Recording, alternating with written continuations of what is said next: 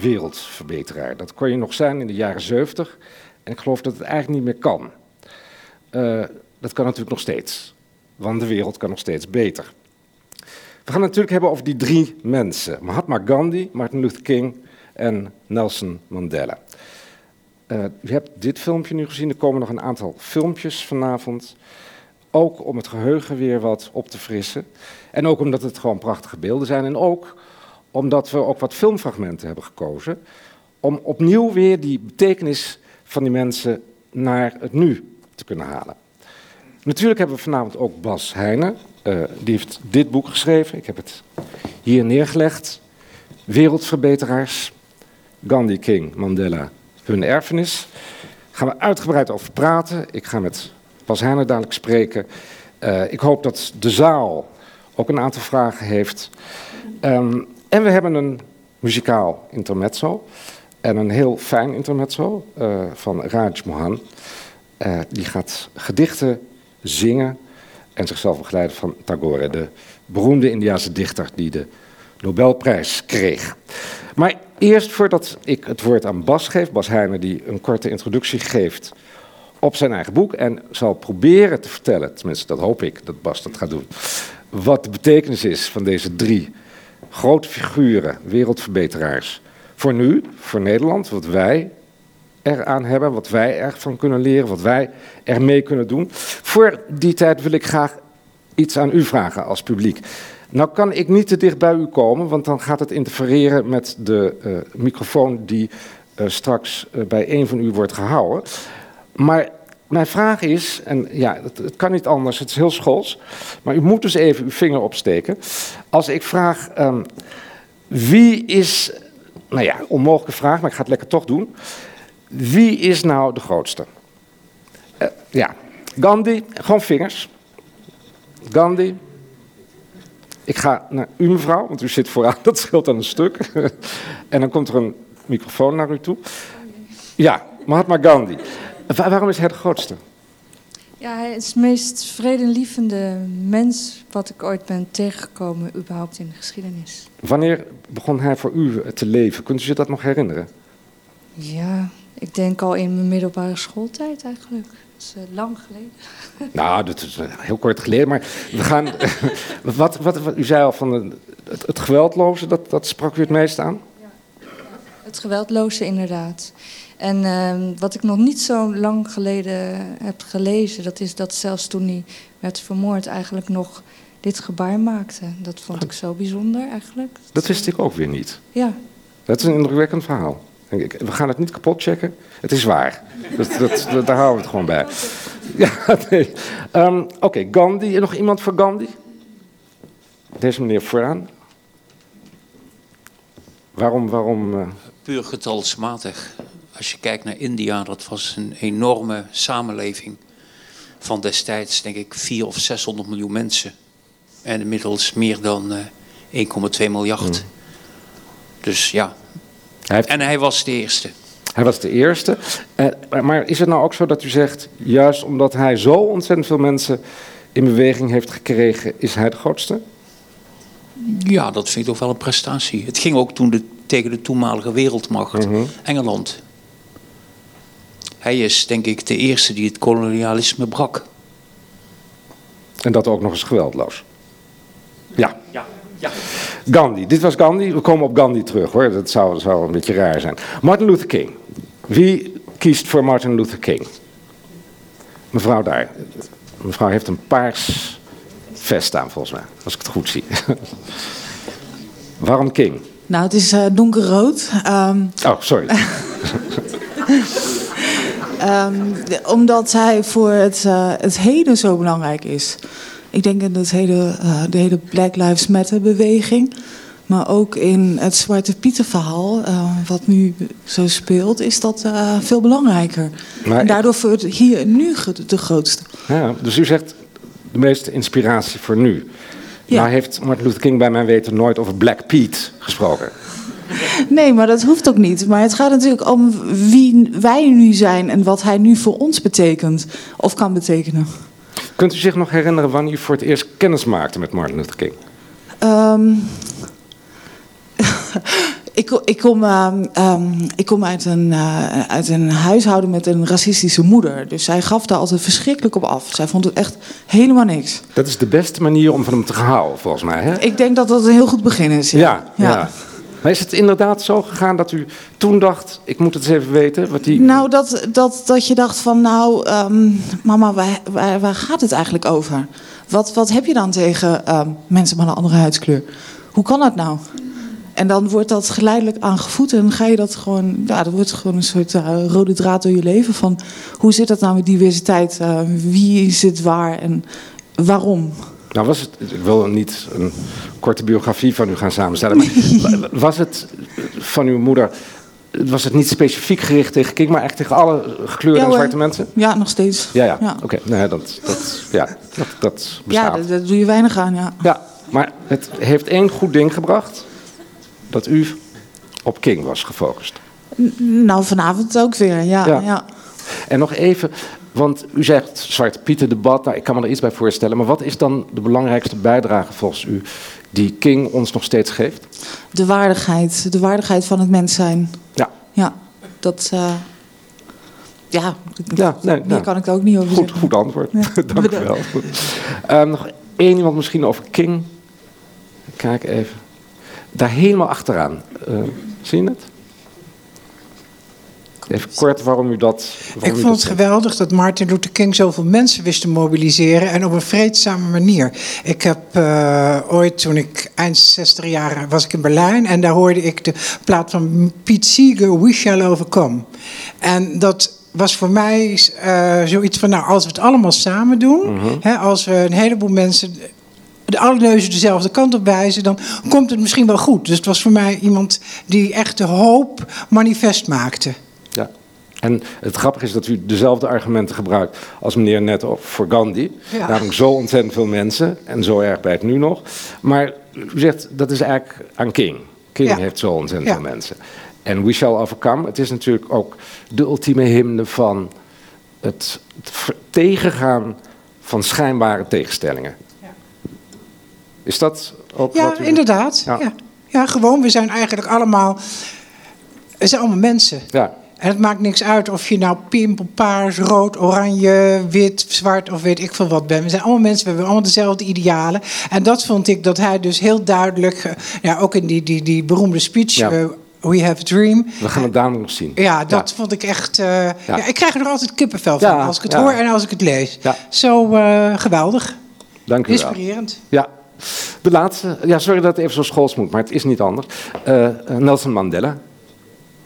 Mevrouw daar, of meneer daar, sorry. Meneer, uh, met in ieder geval de coltra. Ja. Nou, ik denk dat hij uiteindelijk de samenleving waarin Mandela zich bewoog helemaal heeft omgegooid. En het effect mogen we toch ook niet uitvlakken. Het bedoel, die... Zuid-Afrika ja. is wat het nu is, ja. uh, dankzij Mandela. Ja, lelijk zijn eigen manier, maar wel diametraal tegenover hoe het voor hem was. Ja. En ik vind zijn relatie tot geweld ook wel gezond. Dus niet per se vredelievend. Maar... Hij was eigenlijk de enige van die drie dan, ja. die zich niet per se beriep, zeker aanvankelijk niet, op het geweldloos verzet. Ja. Niet dus. Niet. Maar dat vindt u ook juist wel ja, gezond, dat hij dat, dat was niet nodig. Deed. Ja. En dat vindt u ook de grootsheid van. Mandela dan? Nog, nog één iemand over Mandela misschien? Nou, dat is makkelijk. Niet per se over Mandela, maar ik vind het um, raar om een soort competitie te houden. Moet je een voorkeur uitspreken voor een van de drie? Ze hebben alle drie een rol betekend in hun maatschappij, in hun tijdsgevricht. Uh, iets teweeggebracht. En ik vind het zo raar dat je een soort van competitie moet houden van ja, wie, is, wie heeft je voorkeur? Of zo. Nou, u hebt natuurlijk ontzettend gelijk. En ik moet die vraag ook helemaal niet stellen. Maar ik wil u toch graag even als zaal aan het woord laten. En dit is voor mij de enige manier om dat te doen. Maar u hebt enorm gelijk. Dank u wel. Um, Enfin, dan hebben we toch enig idee gehad. En we zullen dadelijk ook nog wat filmpjes zien en verder praten over drie, deze drie geweldenaren. Bas, Bas Heijnen, mag ik je vragen hier even te komen en een korte introductie te houden en iets te vertellen over je boek, maar ook wat de betekenis is van deze drie grootheden voor het nu. Uh, ja, Ja. Nou, ik zal mijn best doen. Uh, ik, ik, ben eigenlijk gevraagd, dat, dat uh, moet ik wel vermelden. Er is een, op dit moment een tentoonstelling in Amsterdam, in de, West, uh, sorry, de Nieuwe Kerk. Over We Have a Dream heet dat. En um, toen werd, ik werd gevraagd: wil je een essay schrijven over Gandhi, King en Mandela? En eerlijk gezegd had ik in het begin een aarzeling, omdat ik dacht van, oh ja, er is al zoveel over deze mensen geschreven. En er zijn parken en scholen en straatnamen. Ik was gisteren toevallig nog in Hof, Hoofddorp in de Martin Luther Kingstraat. Um, en ik ken natuurlijk allemaal de beelden van Mandela als een soort knuffelbeer. Uh, iemand waar iedereen van hield op een gegeven moment, hè, na 40 jaar haat. Maar waar, dus het waren ook allemaal een beetje mensen die zichzelf uh, waren ontstegen, die zo groot waren en ook een beetje zo clichés waren geworden. Dat je dacht van wat, wat kan je daar nou nog aan toevoegen? En, uh, maar toen dacht ik ja, een van de dingen waar ik altijd over uh, schrijf, hoewel mijn onderwerpen heel verschillend zijn, is toch een beetje. Um, humanisme is belangrijk, maar het ligt aan alle kanten onder vuur. Ook nu tegenwoordig weer. Het idee van, we hoorden net, we zijn allemaal mensen. Uh, ja, we zijn allemaal mensen, maar tegenwoordig heb je ook een heel sterk uh, beweging, discours, reactie. Die zeggen, ja, we zijn allemaal mensen, maar we zijn helemaal niet gelijk. En dan zijn extreme groepen zeggen ook, we zijn ook helemaal niet gelijkwaardig. En die... Die uh, hoe je dat, die stroming, die is eigenlijk altijd geweest. Ik geloof dat Joseph de Maître altijd zei van de mens, ik ken helemaal niet de mens. Uh, ik ken een Spanjaard, ik ken een Duitser, ik ken een Rus, maar de mens heb ik nog nooit ontmoet. Dus, uh, en dat is een, een gemakkelijk verhaal waar mensen heel snel in terugvallen.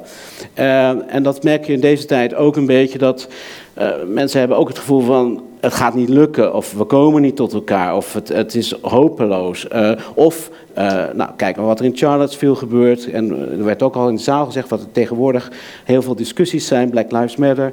Er is, dus het is een tijd waarin, laten we zeggen, de, deze drie mannen, de hoop, en, en, en de verwachting en, en de strijd die zij uitstraalden, die euforie, die, die voel je niet zo. en ik denk dat dat werd voor mij toen eigenlijk wel interessant. Want ik dacht van het zijn eigenlijk een beetje trefwoorden geworden. Waar iedereen een diepe buiging voor maakt. Maar uh, wat betekenen ze eigenlijk voor mij? Want deze drie mannen hebben ook een opdracht aan mij achtergelaten. En wat zou dan die opdracht? Nou, toen ben ik gaan lezen en over Gandhi wist ik redelijk wat. En over uh, Mandela eigenlijk ook. Dat is een paar jaar geleden in Zuid-Afrika geweest, heb ik me goed ingelezen. En over Martin Luther King wist ik eigenlijk een beetje de trefwoorden. I have a dream, dit en dat, enzovoort. En uh, daar ben ik ben dus in gelezen. En eigenlijk bij alle drie uh, viel mijn mond eigenlijk open. Het zijn alle drie complexe figuren die ook tegenstrijdig zijn, die ook kritiek altijd gekregen hebben, die altijd omstreden zijn geweest.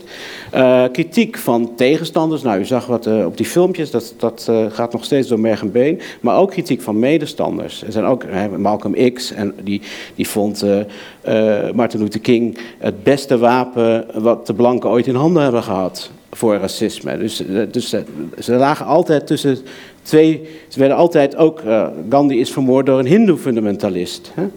Uh, twee van hen zijn vermoord, één heeft uh, 26 jaar in de gevangenis gezeten. En uh, toen ik me in die biografieën verdiepte en in het gedachtegoed, toen kwamen er eigenlijk heel complexe figuren bij, maar die daardoor eigenlijk alleen maar veel interessanter werden. En die veel, uh, en ook juist in hun contradicties, uh, veel menselijker waren, maar juist daardoor ook veel meer te zeggen hebben dan die verheven figuur waar iedereen een knikje van maakt en dan vervolgens zijn eigen slechte gang weer gaat. En dat was eigenlijk de verrassing. En wat, wat, er zijn meer verrassingen, zullen we straks over spreken. Inderdaad, de enorme betekenis uh, van Gandhi voor Martin Luther King. Dat zagen we eigenlijk al in het filmpje. Dat wist ik eigenlijk niet. Dat hij zo uh, uh, ja, beïnvloed en geïnspireerd was door Gandhi. En ook toen hij naar India ging, ook inderdaad schreef het, land van Gandhi. En, um, en in die zin, waar we net over die competitie hadden, dat is natuurlijk inderdaad een, een goede kapstok om, om je ideeën over die figuren aan op te hangen. In de zin Maar het is waar dat Gandhi, zonder Gandhi uh, was Martin Luther King niet Martin Luther King geweest. En ook Mandela, die weliswaar uh, niet uh, geweld, geweldloosheid op een gegeven moment was zeer onder de invloed van, van Gandhi in het begin ANC. Maar op een gegeven moment heeft met de ANC afscheid genomen van, die, van, die, van, die, van het vrede, hoe noem dat, geweldloos verzet. maar toen. En toen is Mandela hoofd van die eh, militaire tak eh, geworden. En die werd ook vrij snel gearresteerd. Dus heel veel heeft hij niet, eh, niet gedaan. Ehm, maar wat wil ik zeggen? die, die, ook hij, ook zeker later weer, had Candy toch altijd als een soort eikpunt. Hij was, ook als hij zich er tegen afzette, was het toch een heel belangrijk iemand voor hem. Hij was totaal qua karakter heel anders dan Gandhi. En uh, was, het is, dat noem ik ook in mijn boekje, een vriendin uit de Indiaanse Zuid-Afrikaanse verzetbeweging. Die werd op een gegeven moment door iemand gezegd: Ja, Mandela lijkt op Gandhi. En toen zei hij. Uh, zei ze, Gandhi took off his clothes. Nelson loves his clothes. uh, dus, en, en, en, en Mandela was altijd meer politicus, meer dan, dan mysticus of, of, of spiritueel leider. En, en, en had ook meer met Nehru. Maar Nehru, en dat geldt ook voor alle drie, uh, maar daar zullen we het ook zo over hebben, dan hou ik ook op. Maar alle drie waren ook mensen die, dat is waar geestelijk leiders waren, maar ook altijd omringd waren door mensen die onderdeel, ze waren altijd onderdeel van een beweging. Ze waren altijd primus inter pares, maar ze konden altijd, uh, je hebt Nehru, je hebt natuurlijk uh, de Zuid-Afrikaanse, het ANC, Sisulu, Tembo. Zijn natuurlijk altijd groot, ze zijn altijd omringd door namen en zo zagen ze zichzelf ook. Uh, als laatste punt, en daar kunnen we denk ik over verder praten, is uh, de uitdaging van dit boek was, dit zijn 20e eeuwse figuren die uh, heel erg specifiek in die 20e eeuwse context passen. maar wat hebben ze ons nog te zeggen? En dan niet als een soort trefwoord, maar wat kan in ons leven, die, dat, die, die, daar gaat mijn boekje over, het is geen biografie. Wat is die erfenis die ze ons achterlaten waar we in deze toch behoorlijk lastige tijd uh, we iets aan kunnen hebben. Dat was eigenlijk de insteek. Dank je, ga zitten Bas. Dat was best een lang verhaal. Je mag klappen hoor, dat is helemaal niet... Uh, dat is helemaal niet En dat was jouw laatste vraag. En wat, en wat is dat dan? Zou, zou, je daar een schot voor de boeg kunnen geven? Nou, uh, wat hebben wij zal niet de clue vertellen? Nou, ja. wel de clue vertellen. Uh, kijk, wat, wat alle drie hadden een, uh, voerden een, een, strijd. En alle drie zijn op een bepaalde manier morele winnaars geworden. Hoewel ze hun leven dus behoorlijk uh, tragisch afliep mhm, van mhm. King en uh, Gandhi. Um, maar wij zien ze als overwinnaars. En mijn stelling is, ten, ik heb eigenlijk twee stellingen in het boekje. Het eerste is dat ze eigenlijk veel, ze worden altijd gezien als een beetje de, de, de, de mensen van het midden, de mhm, verzoeners. Dus zeker in een hun radicale strijdgenoten die hadden daar moeite mee. Met dat geweldloos verzet. Hoe vaak laat je elkaar, eh, jezelf in elkaar meppen? Hè? Maar zeker Malcolm X. Mhm. Maar ook ja, dat, dat leidzaam, dat we altijd die andere wang maar toekeren. Dat, was, dat werd ze ook niet in dank afgenomen door medestrijders. Ook dat ongewapend verzet. Dat was ook, bij King was dat vaak een punt. Van hoe, hoe, mhm. hoe lang houden we dit vol? Ehm, maar die filosofie die achter dat activisme zit, dat ging uit van een mensbeeld, en, dat, en dat is door, bij Candy begonnen, van het geweldloos verzet, is dat je eigenlijk boven je tegenstander of je onderdrukker gaat staan. Uh, door niet mee te gaan in, die, in, die, in, in, dat, in dat geweld, door niet dat, die cyclus aan mhm. te gaan. En daardoor eigenlijk ook een morele superieure positie doen. Want en dat is zeker bij Gandhi, en, maar ook bij Martin Luther King en ook bij Mandela, dat die, juist die verzoening van Mandela, zeker later, was natuurlijk ook iets superieurs. Mandela was ook een prins, hè? dat was zeer hoog geboren. Maar die had ook iets, ja, dan gaat hij bij de weduwe verwoord. En die gaat dan een, een of ander uh, statement dat er, dat er een blanke enclave moet komen in Zuid-Afrika voorlezen. Dat is vrij hard, vrouw 92. En dan kan ze naar leesbeeld niet goed, dan gaat hij er helpen met het voorlezen van die... Dat is dus dodelijk Dat is natuurlijk heel superieur. Uh, ja, ja. En, en daar kon hij ook volgens mij erg van genieten. Laten we even... Maar dat, dat het idee dat je die behalve die strijd, daar gaat ook een mensbeeld achter en een opdracht aan die mensen. En dat is om je eigen, tegen, eigenlijk tegen je eigen instincten en natuur in te gaan en jezelf te ontstijgen. Dus het, is, het zijn veel meer dan drie politici. Het zijn ook levensbeschouwelijke mensen, Precies. filosofen, Ja. soms zelfs theologen. In het geval van King is dat Ja, heel erg zeer duidelijk. religieus geïnspireerd, En die rijken boven zichzelf uit. Dat, ja, dat is, en dat, maar ja. dat is eigenlijk de stelling van mijn boek. Dat is eigenlijk ra- veel radicaler dan veel eh, mili- militante strijders. Omdat militante strijders vaak juist iets hebben van... eh, eh, onze eigen groep is eigenlijk... We moeten eigenlijk helemaal die strijd niet aangaan, want wa- waarom zouden we eigenlijk? Hè? Want we, zit- we zitten eigenlijk... eh, ehm, sowieso zijn wij eigenlijk oké en beter. En we gaan die, die vreselijke racisten gaan we niet eens, daar, daar, daar gaan we niet eens mee bemoeien, bij wijze van spreken. En, en, en deze figuren, die, die stonden echt, ehm, hoe moet je het zeggen, die wilden echt dat onze eigen instincten, het idee dat, dat, dat het groepsinstinct, om jezelf altijd op te sluiten in een groep, dat, dat over die gedeelde menselijkheid gevonden werd tegen alle persoonlijke driften in. Ja. En dat was wat King ook zei, de, de, de, we moeten de muren van binnen slechten in je eigen hoofd. Dus in je eigen blik, in je eigen vooroordelen.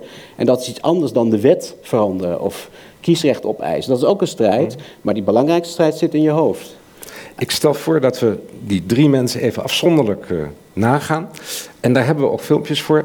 Eh, mag ik het eh, filmpje nu zien van Gandhi? En dat is over de film, hè? dat is dus een filmbeeld over, over Gandhi. De protest speech. En hier wordt Gandhi gespeeld door Ben Kingsley.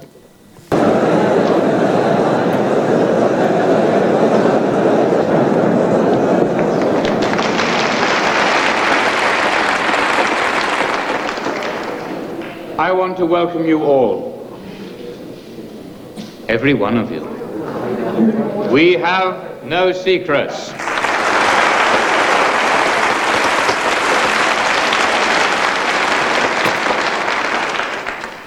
Let us begin by being clear about General Smuts' new law. All Indians must now be fingerprinted, like criminals, men and women. No marriage other than a Christian marriage is considered valid. Under this act, our wives and mothers are whores, and every man here is a bastard.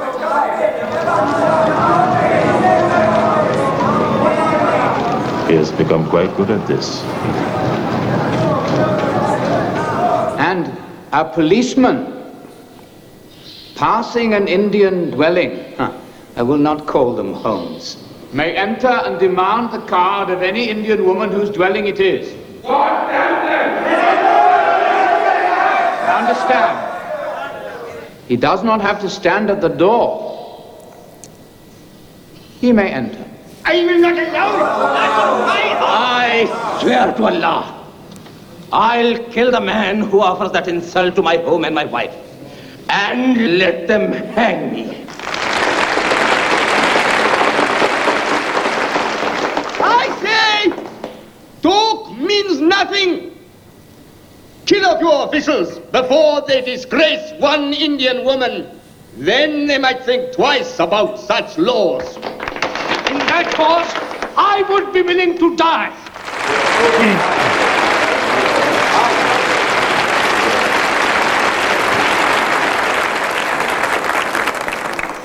I praise such courage.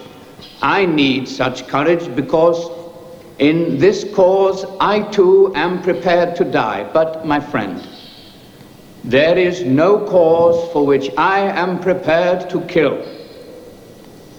Whatever they do to us, we will attack no one, kill no one, but we will not give our fingerprints, not one of us. They will imprison us, they will fine us, they will seize our possessions, but they cannot take away our self respect if we do not give it to them. Have you been to prison? They beat us and torture us. I say that we I am asking you to fight. To fight against their anger, not to provoke it. We will not strike a blow, but we will receive them, and through our pain, we will make them see their injustice, and it will hurt, as all fighting hurts. But we cannot lose. We cannot. They may torture my body, break my bones, even kill me. Then they will have my dead body, not my obedience.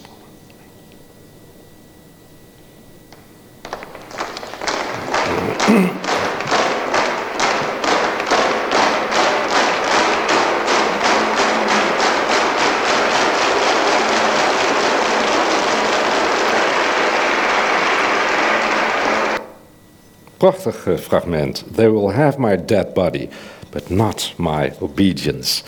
Eh, dat is inderdaad het hart van uh, Satyagraha. Ik heb op dit woord geoefend, hè?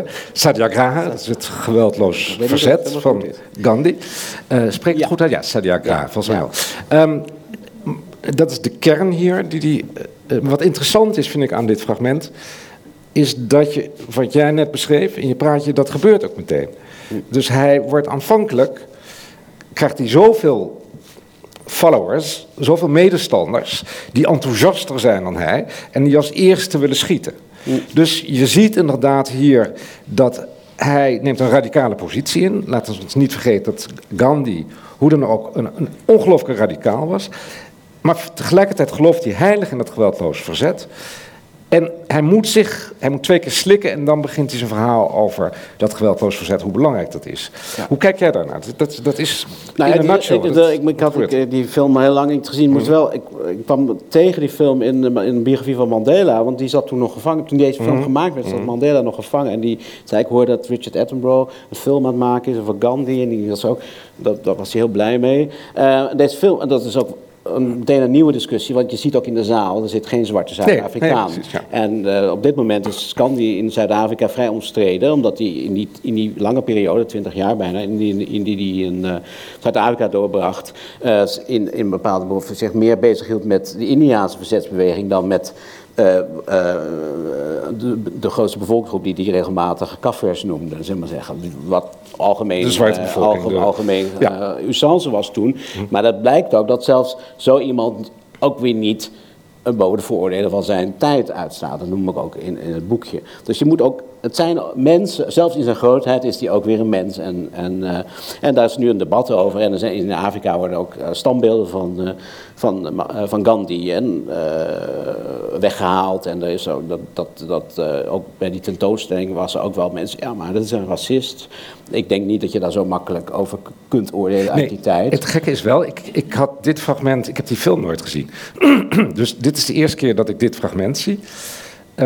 En ik ken Zuid-Afrika een beetje, omdat ik wel redelijk vaak ben geweest. Ehm, en wat hij doet is natuurlijk ongelooflijk moedig. En ja, het gaat tegen alles in. En je kan rustig zeggen dat hij misschien wel uh, een van de eerste is geweest met uh, zwarte activisten in de jaren 10 en 20, die al begonnen in Johannesburg.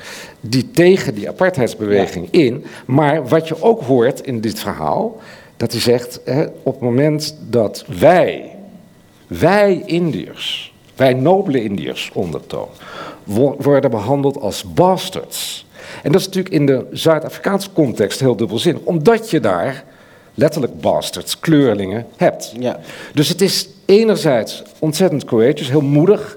En tegelijkertijd is het een enorme distanciering van niet alleen de zwarte bevolking, maar ook van alle andere gekleurde bevolkers. Maar dat is natuurlijk eigenlijk, als je historisch kijkt, maakt dat het volgens mij ook weer interessanter. Want mm. tegelijkertijd heeft die beweging die hij, waar hij zo belangrijk in geweest is, in Zuid-Afrika ook een enorme invloed op het ANC gehad. Omdat het ANC in het, begin, uh, dat heeft Mandela ook uh, uitgebreid tegen zijn biograaf verteld, die zei, wij hadden eigenlijk heel weinig, wij hadden voorgangers in de, in de zwarte Zuid-Afrikanen die streden mm. tegen, in de apartheid bestond, had natuurlijk niet die naam toen, maar tegen dat bewind van, van het racisme van toen. Maar Smuts bestond wel, generaal Precies, Ja, maar ja. laten we zeggen, geïnstitutionaliseerd als systeem was er nog niet. Maar wel natuurlijk ongelooflijk uh, racisme en, en, en, uh, en geweld.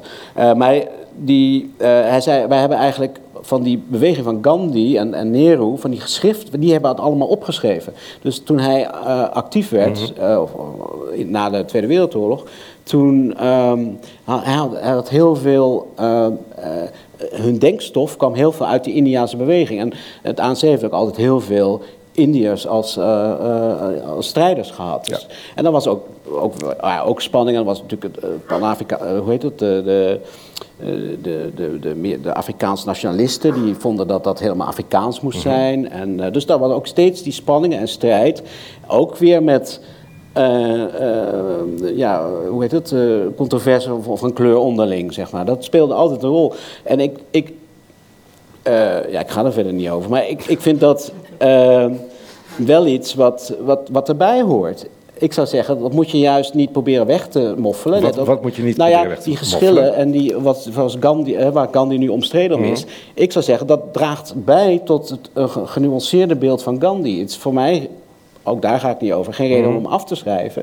Maar juist dat je ziet dat zelfs iemand die eh, zo groots dacht, ook eh, vanuit zijn eigen tijd en zijn afkomst en zijn geboorte in die tijd. Hij zal zich ook niet sterk gemaakt hebben voor de homorechten, hè, laten we wel wezen. Ik weet het niet, denk het niet, hè? Nee, dat kan me niet dus, herinneren. Dus ja, dat, dat Hmm. is voor mij geen reden om iemand af te schrijven. Mhm. Maar het maakt juist het beeld gecompliceerder en interessanter en menselijker. Maar goed, dat het, zo denk ik er dan Ja. over. Maar eh, die, hij heeft dus een enorme, vanuit die Zuid- Zuid-Afrikaanse connectie, een enorme invloed gehad op, op ook het, eh, het ANC. En, de Nou ja, en niet alleen, dat is daar begonnen, Zuid-Afrika. Hij is uiteindelijk naar India gegaan. Hij heeft natuurlijk, dat zei meneer terecht, het is ongeveer het meest bevolkingsrijke land. Ja, het is het meest bevolkingsrijke land. Nee, nee, na China geloof ik. Nu, hè. Maar goed, dat hele land heeft hij, nou niet in zijn eentje natuurlijk, Nero was er ook en heel veel andere strijders. Maar toch, hij was de grote man die dat Engels kolonialisme, wat, hè, dat British imperialism, tien dat was, ja, dat was en toch... een revolutionair idee is. Ja. En dat, daar zijn allemaal ook christelijke invloeden. En Tolstoy heeft er invloed op. Niks staat op zichzelf. Maar hij was... Absoluut, dat is ook een beetje de stelling in mijn boek. Deze mannen zijn radicaler. Zijn echt radicaal. Dan de andere mensen die veel radicaler ingaan. leken. De opdracht die zij aan ons geven... is veel lastiger eh, dan dat je, dat je inderdaad... Ja, dit is echt een lastig. Omdat je in jezelf eh, moet gaan kijken. En dat, eh, Gandhi was echt een... eh, want je moest tegen je eigen instinct... Je eigen instinct is ook gewoon terug te mappen. Mm. Laten we wel wezen, toch? Ja, ik wil graag de tweede film.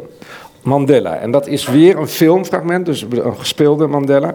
En dit is Idris Ja, Elba oh, als ja, ja. Mandela uit Long Dat is Walk een to fantastische Freedom. speech. Vier uur lang.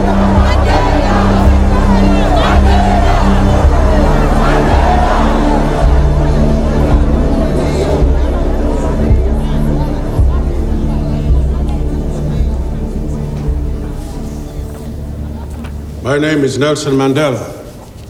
I'm the first accused. I do not deny that I planned sabotage.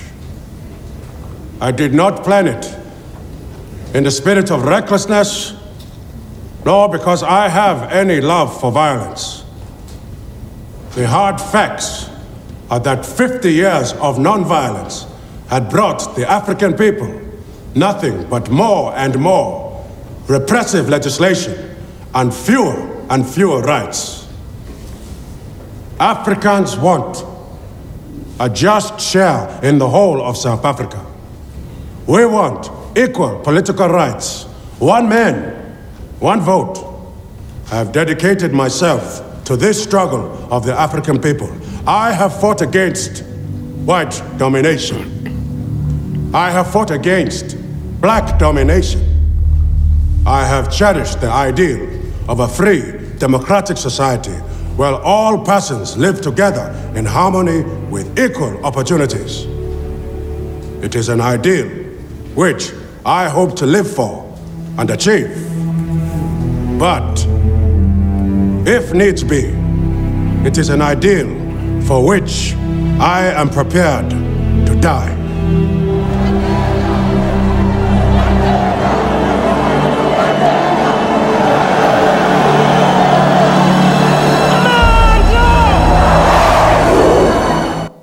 Ja, ook weer kippenvel. Maar Ja, had de doodstraf kunnen krijgen. Eh, het werd eh, levenslang. maar, en dat was het begin van 26 jaar gevangenschap. Dus, eh, Maar goed, je ziet ook, natuurlijk, dit is gespeeld, maar je ziet ook de adellijkheid, de, prinselijkheid van deze Ja, natuurlijk een maar acteur. de- maar ja. dat zag je natuurlijk ook in Mandela, die nooit. Eh, iedereen die wel eens in Zuid-Afrika is geweest, dat ben jij ook, dat, dat weet je. De- een van de naarste effecten van die apartheid eh, is dat het na-el-effect, wat het gewoon in, in, letterlijk in lichamen heeft. Dus als je, als ik daar met vrienden, kleurlingvrienden, zoals ze dan dat daar noemen, op straat lopen, of met zwarte vrienden, ik ken daar meer, zoals dat heet, dan kleurlingen, die hebben nog steeds de neiging om iets raars te doen met dat lichaam zodra ze een blanke zien. Iets met een hoofd, iets ontwijkends, iets gedienstigs, iets bozigs. Iets... En als Nederlander is dat heel gek om te zien, omdat je denkt, wat, ja, ik zie zoveel blanke mensen, daar is geen begin aan. En dat, dat is natuurlijk ook niet om, ik heb dat niet in mijn botten. Zij wel. Ik heb het niet in mijn geschiedenis, zij wel. Nou ja, dat zie je toch in het postuur van Mandela, daar zit niets nederigs in. Nee. Nou, ik, ik, ik, ik vond hem eigenlijk ook eh, wel een verrassing toen ik hem e- echt in hem ging verdiepen. Ehm, en er wordt nu wel gezegd, omdat in Zuid-Afrika zijn natuurlijk. Kijk, dat is dat, eigenlijk waar we het ook over moeten hebben, is dat al deze drie, drie mannen, dat hun erfenis. Iedereen be- be- bewijst lippendienst aan hun Mhm. grootheid. Maar in de landen waar ze vandaan komt, is het natuurlijk niet de hemel op aarde aangebroken. In In- India is een fundamentalistische hindoe-partij aan de macht, Modi. Eh, er zijn eh, eh, echt vaak incidenten en lynchpartijen tegen moslims. Over, dat gaat dan over, dat noem ik in mijn boek, de cow-vigilance. Het gaat over koeien. Modi zelf heeft, heeft is een omstreden verleden. Eh, in Zuid-Afrika heb je Zuma aan zee aan de macht. eh, en die heeft natuurlijk ook van het voortdurend over Mandela. Maar ja, dus die erfenis is, is, niet, is niet geworden wat het moest zijn. En dat is denk ik ook wel de deceptie en ook de kritiek die op. En ook de, de, de oproep tot meer radicalere politiek. Zoals die nu door de terugkomst van Winnie Mandela. Toen eigenlijk een zeer omstreden figuur. Eerst een heldin, toen omstreden en daarna afgeschreven. En nu dus weer terug. Eh, als een soort, ja, maar dat is iemand die, wil, die wilde wel die gewapende strijd hard voeren enzovoort. Veel radicaler en veel afwijzender. En dat zie je nu eigenlijk, dat zie je in Zuid-Afrika, eh, proef je dat. Eh, maar eigenlijk in India heb je dat natuurlijk ook, dat, het, het, dat eigenlijk al die tendensen waar, en kijk naar Trump Amerika en naar Charlottesville en dat, wat daar gebeurd is, dat al die tendensen die zij eigenlijk, die misschien wel even dachten overwonnen te hebben, en dat die in wezen weer terug zijn. En dat is denk ik eh, ook wat pleidooi wat ik hou in mijn boek, is niet dat je dan deze mannen maar moet opschrijven omdat ze naïef waren in hun, in hun neiging tot verzoenlijkheid. Of dat eh, de neiging om dat de mens een eigen beperking zou kunnen overstijgen om die andere mensen te leren kennen enzovoort. Ja, dat is, mijn stelling is, dat, dat, dat is altijd moeilijk en dat zal altijd moeilijk blijven. Want je hoeft maar, identiteit is een heel vloeibaar en lastig begrip. We doen altijd alsof dat één iets is wat je kiest.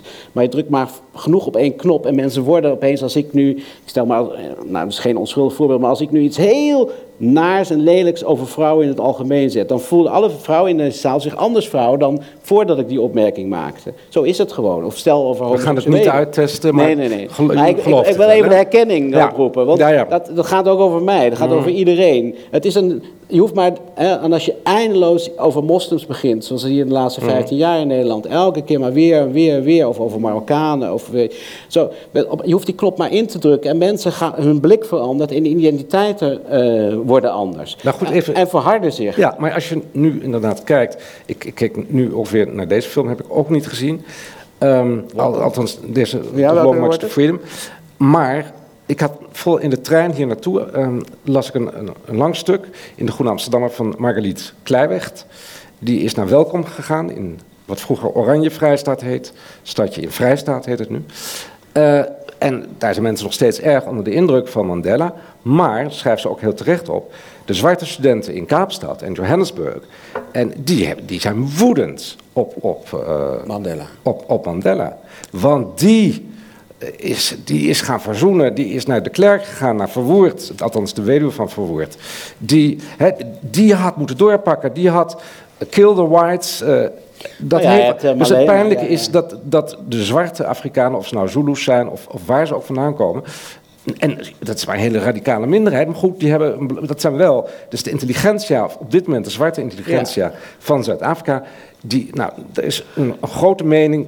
Mandela was een sell-out. Ja, nou, nou, dat past wel een beetje in het heersende methode. En ik ben, ben een paar jaar geleden met studenten daar geweest. En dat waren natuurlijk allemaal eh, vriendelijke witneusjes. En die, eh, die kwamen op een gegeven moment in een, in een soort gesprek met eh, een de, toen de perschef van eh, Julius Mal- Malema. Die heeft de eh, Economic Freedom Fighters. Mhm. Dat is de man die, dat, dat, die jongere man die die aparte groep is, nog radicaal, veel radicaler. en uit het hebben allemaal rode beretten. En Ja. zijn eigenlijk hele aardige mensen. En, en, en ook, je kunt ook bepaalde decepties voor. Want heel veel economische macht is nog steeds in handen van Mhm. witte eh, corporaties enzovoort. Dus het is wel, maar het is dus heel radicaal. Maar die waren zo naar een meeting gegaan. En op een gegeven moment zei hij, wees hij op die groep. En zei, dit zijn de nakomelingen van Jan van Riebeek die hier staan. Dus die, die, die studenten ze schrokken zich helemaal- studenten? Die Ja, ja, ja, ja. barsten allemaal in, nou niet allemaal, maar een aantal barsten in huilen uit. Want in die positie hadden ze zich nog nooit gezien. En dat, werd verder allemaal, werd, bleef allemaal eh, binnen de perk. Het is echt en een wake-up call voor Ja, die die werd brave Nederlandse aan de andere kant van de... Ja. Maar ik moet zeggen dat, eh, ja, eh, ik, ik- denk dat we van deze drie mannen, als je echt kijkt naar wat ze zijn en wat ze, waar ze voor stonden, dat ze eigenlijk, eh, hun opdracht is toch om eh, uiteindelijk eh, te streven naar die gemeenschappelijke menselijkheid. Maar goed, bij Mandela vind ik zo interessant dat je ziet dat hij aanvankelijk begint, hoopt dat het geweldloos kan. Dat hij dan ook in de, tijdens deze speech, die beroemde speech, op een punt komt dat hij er niet meer in gelooft. Dat hij toch zegt, if necessary, hè, gaan we, ga ik, wil, ik, wil ik ook sterven. En moeten we allemaal bereid zijn om te sterven. En sabotage, hè, want het was toen ook wel dat Ja, ANC, precies. dat werd echt zo aan alle kanten Ja. uitgeroeid en opgepakt. Dus er bleef gewoon eigenlijk niks over. Dus die repressie was zo groot dat Maar goed, hij, hij is die grens overgestoken naar wel geweld. Althans, niet Nou, dat is nog steeds een discussie. Ook, ook naar aanleiding van mijn boek kwam dat weer eh, op. Ja. En er zijn natuurlijk genoeg mensen die zeggen van ja, dat geweldloze, dat is ja, dat willen die witte machthebbers wel graag dat je geweldloos bent Mhm. enzovoort. Dus het is, het is, maar dat is altijd omstreden geweest. Niet alleen nu, Mhm. maar ook in die tijd was het echt, eh, ook bij Martin Luther King. Martin Luther King stond op het standpunt. eh, eh, dat, dat ja, als wij die gewapende strijd. Kijk, Hindoes in India, meneer zei dat al, maar die waren, zijn een meerderheid. Mhm, maar zwart in Amerika zijn een minderheid. En, eh, In Zuid-Afrika overigens weer de meerderheid. ja, precies. Maar, in, dus Martin Luther King zei, als we die gewapende strijd, ook pragmatisch zijn, als we die aangaan, dan verliezen we het. Dus we moeten, dat is niet onze kracht. Dus het was ook in die zin, er wordt altijd gedacht dat het hele hoge idealen zijn, dat zijn het ook. Maar het zijn ook pragmatische, zeer doordachte eh, eh, eh, beslissingen geweest. En in die zin heeft, maar dat is toch veel moeilijker dan te zeggen van, eh, weet je wel, we gaan een gewapende strijd aan. Dus ik, ik vind die zelfbeheersing van Martin Luther King en dat inzicht wat hij had, ja, echt groot en veel groter dan, dan, dan, van een hoop van zijn tijdgenoten. Dat is een mooi moment, lijkt me, om nu naar het fragment, en dat is geen filmfragment, althans het is wel een filmfragment, maar het is een authentiek filmfragment van Martin Luther King te gaan. I have a dream. I have a dream that one day this nation will rise up and live out the true meaning of its creed. We hold these truths to be self-evident that all men are created equal. I have a dream that one day on the red hills of Georgia, sons of former slaves and the sons of former slave owners will they be able to sit down together at the table of brotherhood. I have a dream. My four little children will one day live in a nation where they will not be judged by the color of their skin, but by the content of their character. I have a dream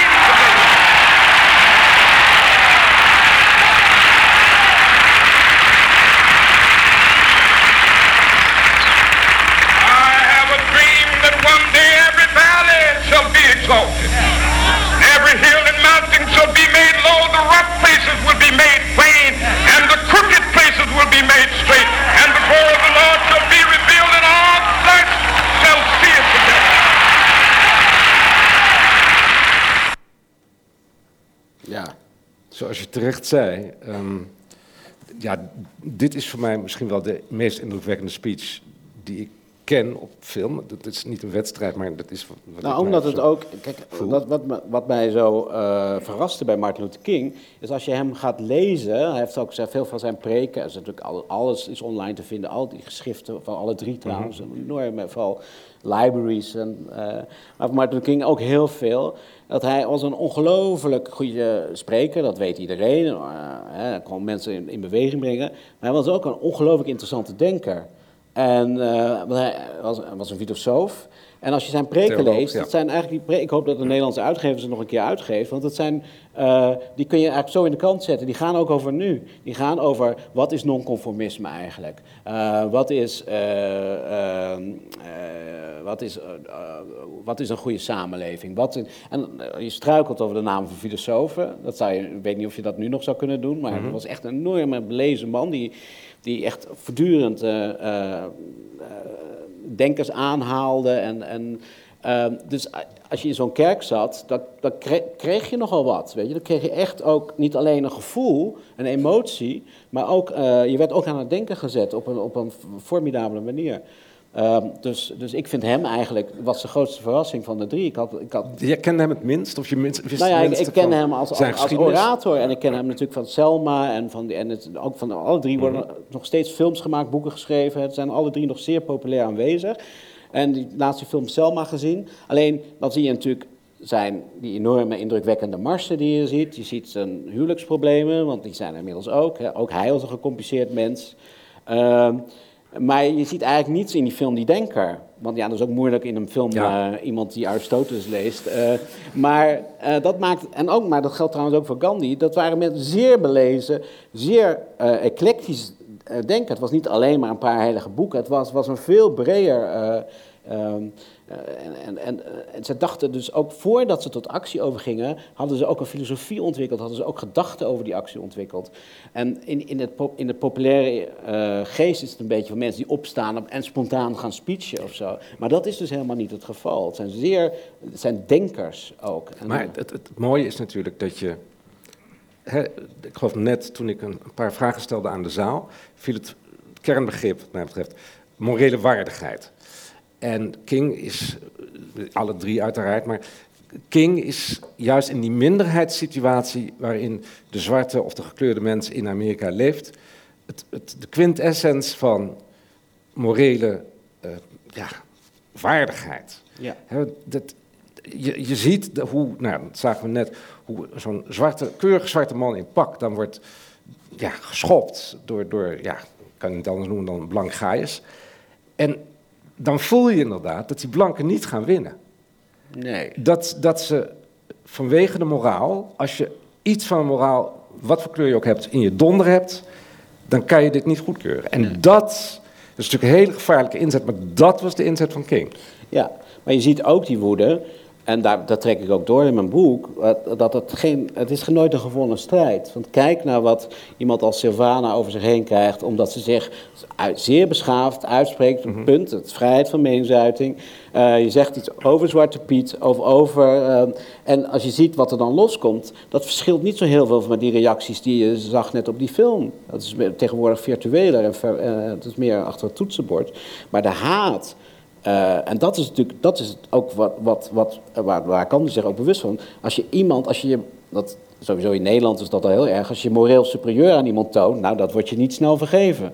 En dat roept namelijk een enorme haat op. Zeker als je het beschaafd doet, dan worden mensen nog boos. Als je net zo ordinair gaat schelden als je tegenstander, of net zo geweld, gedadig wordt, ja, dat, dan, dan, zijn, dan, nou ja, dan bevestig je eigenlijk eh, de impuls van die ander. Want je gaat mee erin. Dus dan is het een, een, in, in die ogen een gelijke strijd. Als je je daarboven stelt, ja, dat is een doodzonde. En dat roept die agressie op. Dat moet ik zeggen, van die filmpjes, van die, er zijn nog meer opnames van, van die omstanders die dan staan te schreeuwen bij die, die marsen van Martin Luther King. De haat in die ogen. Dat is ook, en dat zegt King ook, ik heb dat citaat, maar dat kan ik natuurlijk toch niet vinden als ik dat snel opgevoed. Is schaamte. Het is Heb je het schaamte. bij de hand? Ja, ik Oh, nee, maar, ja. ga niet zoeken. Nee, dat bedoel, zoeken. iedereen begrijpt wat schaamte is. Dat, hij zegt, kijk, want zegt ja. hij in een beroemd televisie-interview, zegt hij, die mensen die zo boos worden, dat is een vorm van schaamte. Ja, dat- dat is Want ze voelen wel dat het niet in de haak is. Ze voelen wel. En dat is natuurlijk, en hij is daar eigenlijk ook heel mild over. Het is een hele, eh, hij is eigenlijk ontzettend lief ook in die zin dat hij daar ook nog wel, dat begrijpt hij ook wel. Maar dat betekent niet dat hij, dat hij het gaat veranderen. Mhm. Maar dat, die, die woede, die heb je nu nog steeds. Als mensen juist worden aangesproken op iets waarvan ze wel voelen dat het niet in haak is. En dat is zeker in die Zwarte Piet discussie natuurlijk. Of, eh, daar kan je wel, wel over, dat is nog een diepere discussie. Maar dan gaan we vanavond, we hebben het net geha- gehad. En Ja, nee, het begint over een maand, gaan we weer beginnen. dus eh, we gaan wacht- wachten eventjes. Maar je voelt natuurlijk, ja, het is gewoon heel lastig als iemand je aanspreekt. Het is natuurlijk ook als je je onterecht aangesproken voelt op een emotie die je niet wil erkennen of die je niet herkent. Dat kan natuurlijk ook. Dan word je, word je natuurlijk ook Maar goed, kwaad. King is natuurlijk ook. King is natuurlijk toch ook in die zwarte Amerikaanse geschiedenis die inmiddels mondiaal is. Hè, omdat wij in Nederland of in Europa kijken natuurlijk ook naar die civil rights movement. Met de ogen van nu en de actualiteit van nu. En die geschiedenis gaat ook door en is in zekere zin in, Europa nu pas actueel. Ik bedoel, ik kan me herinneren dat toen ik opgroeide in de jaren 60 en 70 was het heel makkelijk in Nederland om ontzettend verliefd te zijn, massaal, op Martin Luther King. Want er waren hier misschien, eh, nou, 300 Surinamers, 500 Antillianen, zoiets. Ik bedoel, ik groeide met mijn zusje op als zogenaamde halfbloedjes in Twente. Nou, in de 20 kilometer was geen enkel kroeskopje te zien behalve wij twee. Dus ja, dan is het ook wel schattig. Maar nu dat allemaal veranderd is, krijgt King veel meer betekenis natuurlijk. Ja. En tegelijkertijd is King, werd en wordt nog steeds in Amerika weggezet. Het gebeurt ook wel hier in Nederland. Als, nou, ook weer de, de sell-out. Ja. De in-between, de man die niet doorpakte. De, eh, de, de white man's friend, de white man's ass. Ik Ja, citeer Malcolm ja, X. ja. Eh, ja. Ja, nou kijk, het is lastig eh, als ik het zeg, maar ja, ik, wat ik, wat, dat was natuurlijk ook, toen ik hierover ging schrijven, dacht van, dat was natuurlijk ook in het debat zo van, waar ga je als, als witte man over drie Is het nog ter sprake gekomen? Ja. Nou, niet echt, maar meer in mijn eigen hoofd. Toen dacht ik, maar ja, ehm, nou ja, een beetje wel, later, maar het hoort erbij. Mhm. Ja. Eh, maar ik dacht, eh, ja, maar het gaat erover dat deze drie mannen hebben ook een opdracht, een erfenis voor mij achtergelaten. En, en alle drie, eh, Mandela ook, die zei, weet je, de samenleving veranderen is niet zo moeilijk. Jezelf veranderen, dat is moeilijk. Dat is het allermoeilijkste. Uh, maar Luther King had het over de muren binnenin. Die zijn veel moeilijker te slechten dan de muren buiten. En, en aan alle drie zijn ze eigenlijk ook, als je kijkt welke situaties, dat Britse kolonialisme, dat, dat, dat liep al een beetje op zijn eind. Althans, er was heel veel kritiek op het kolonialisme. Uh, er was heel veel discussie over of dat wel moest. Uh, maar die Britten wouden het niet opgeven. Uh, het, Zuid, het anti-apartheids, uh, of de apartheidsbeweging, anti-apartheidsbeweging bestond ook. De apartheid was in de wereld toch een soort rariteit. Daar keek iedereen toch op neer. Weliswaar door de handel en economische en wapenleveranciers hield men dat in stand. Thatcher komt ook natuurlijk heel vaak in voor. Die dan, ja, weet je wel, ook. ook. Dus, dus, maar, maar men vond het natuurlijk toch afkeurenswaardig al. Alleen het veranderde maar niet door allerlei dingen. Uh, bij Martin Luther King waren er allerlei wetten die gelijkheid beloofden. Alleen in de praktijk, en dan had je allemaal die Jim Crow-wetten, uh, die, die kleine lokale dingen, werd die discriminatie in stand gehouden. Dus je ziet eigenlijk, en dat is eigenlijk, als ik van, een, van zo'n dun boekje van een groot thema kan spreken, dat het verlichtingsgelijkheidsdenken, vrijheid, gelijkheid en broederschap, dat werd met de mond overal beleden, min of meer. Dat was eigenlijk helemaal niet. Uh, daar zat, iedereen zette daar blind zijn handtekening onder. Alleen in de praktijk zag je dat het niet gebeurde en dat het dus in stand gehouden. En deze drie mannen, die wilden de praktijk naar het ideaal brengen. Die wilden laten zien, of die wilden de, de, uh, laten zien hoe, hoe hypocriet en, en de, de, werkelijkheid afstak bij het ideaal of bij de geloofsartikelen van die verlichting. En, uh, maar het was dus eigenlijk al het was wat mensen, dat heb je natuurlijk ook vaak, dat mensen iets met de mond beleiden, terwijl ze het in de praktijk niet doen. Zeker in Nederland. Als je bij een, een, een, CEO van een Nederlands bedrijf vraagt, bent u voor vrouwen op een hoge positie? Zegt hij, ik was de eerste die in 1968 al zei. En nou, een heel verhaal. En dan kijk je naar zijn bedrijf en dan zie je dat het niet gebeurt. Ja. Nou, dat is een, een, Nederlands trekje, maar dat is ook een algemeen menselijk trekje. Om jezelf gewoon heel goed te vinden, van, omdat je het goed bedoelt. Alleen of je het dan in de praktijk ook doet. En nou, daar prikt de King wat dat betreft ja, mee alle drie ik. eigenlijk op een bepaalde manier doorheen. Mhm. Want dat was Nelson Mandela met zijn beroemde verzoening. Hè, dat die, dat Mhm. verzoening. Op een gegeven moment zeiden ja, die verzoening is niet een vrijbrief om maar lekker achterover te gaan leunen en te denken, nou, wij zijn vrijgepleit als witte Zuid-Afrikanen. Want wij zijn vergeven en we zijn verzoend. Maar nu gaan we toch wel even verder waar we gebleven zijn. En dat was, dat was natuurlijk toch, dat hadden denk ik alle drie wel. Het waren natuurlijk toch ook wel, hun gedachtegoed kan ook heel makkelijk misbruikt worden. Uh, juist, en dat is natuurlijk waar die critici altijd op hameren van die drie, is dat ja, je, je speelt eigenlijk de machthebber ook een beetje in de kaart. Die kan daar toch wel ja, lekker zijn voordeel mee doen. Zeker als je uh, de CEO van, uh, dat beschrijf ik ook in mijn boekje, over de erfenis, dat de CEO van Apple, Cook, die zegt, die heeft altijd over Mandela, en die, of, nee sorry, Martin Luther King, ja. en die heeft ook zijn portret van Martin Luther King hangen. En Martin Luther King Day, er wordt altijd gevierd bij Apple. Maar ja, moet je eens in die Chinese fabrieken gaan kijken hè, van Apple. Dus dat is eigenlijk uh, dat is het grote probleem. Het, je kunt met de mond zo makkelijk iets beleiden, maar het gaat er natuurlijk om dat eigenlijk de verborgen, of nou nee, de expliciete boodschap van mijn boek is van, maar kijk nou naar jezelf, probeer het nou echt op jezelf te betrekken in plaats van alleen maar lippendienst te bewijzen. Ik, ik ga dadelijk nog meer naar jou kijken. Maar ik, ik bedoel, en, en wij gaan samen naar jou kijken. En oh, dat een filmpje van mij Nee, nee, nee, wel nee, maar niet. Nee hoor, wees niet bang of okay. wees niet teleurgesteld of Denk, wat het ook uh... is. Nee, nee. Ik wou eigenlijk gewoon een muzikaal intermezzo aankondigen. Dat was eigenlijk wat ik probeerde te doen. Raadje Mohan. Um, ik weet niet waar, ik ga je hierop uh, treden. Fijn. Raadje Mohan, uh, welkom. Even een applaus voor Raj. Ik zei net al, je gaat iets spelen uh, uh, en dat is eigenlijk poëzie van Tagore. Kun je er nog meer over vertellen? Moet, is er nog iets wat wij moeten weten?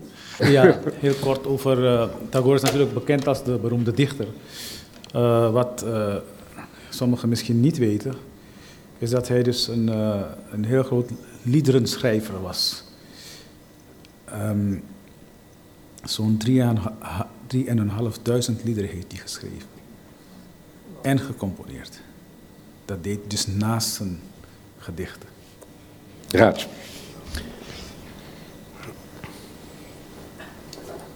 Ik kreeg van mij uh, de vertaling.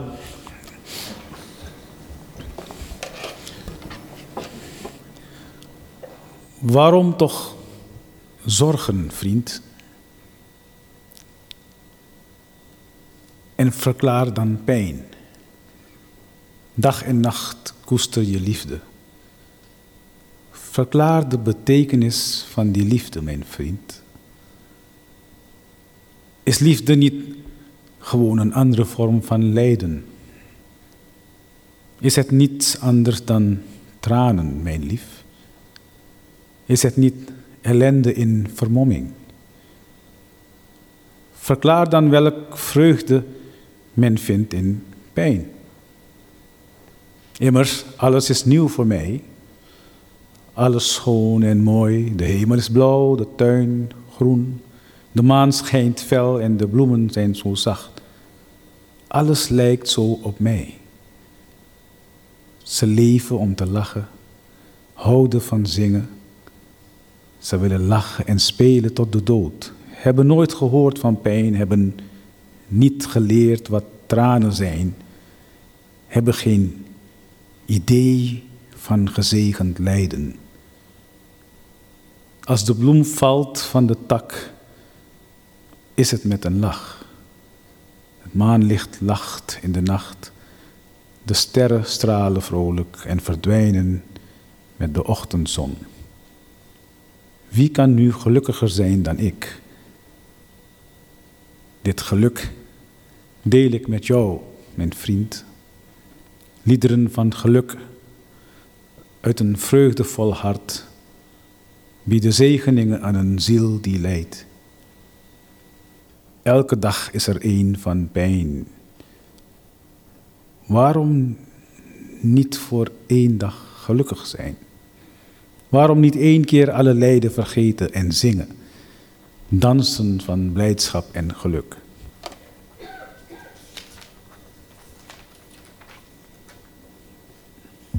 Dat is dus de vertaling van het lied.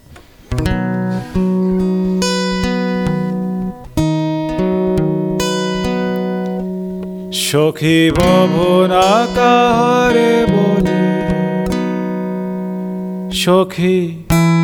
jatona kahare bole. Raje bolo divo shorajoni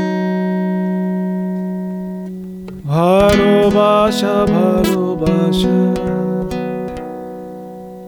সখী, ভালোবাসা কারে কর সে কি কেবলি যত নাম সে কি কেবলি দুঃখের সার সে কি কেবলি দুঃখের শ্বাস লোকে তবে করে কি সুখেরই তরে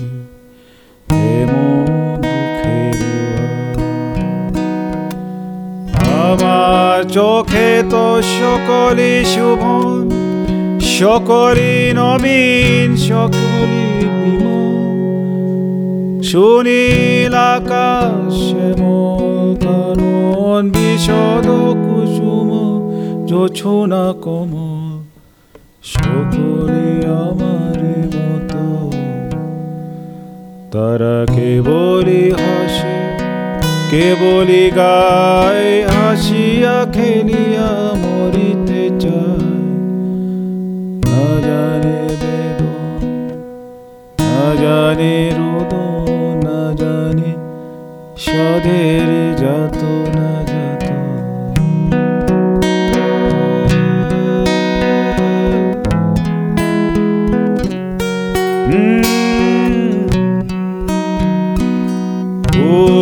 হাসিতে হাসিতে ঝরে যোছনা হাসিয়া মিলাই যায় হাসিতে হাসিতে আলোক সগরে আকাশেরও তারাকে আগে কায় আমার মতো সুখী কে আছে আয় সুখী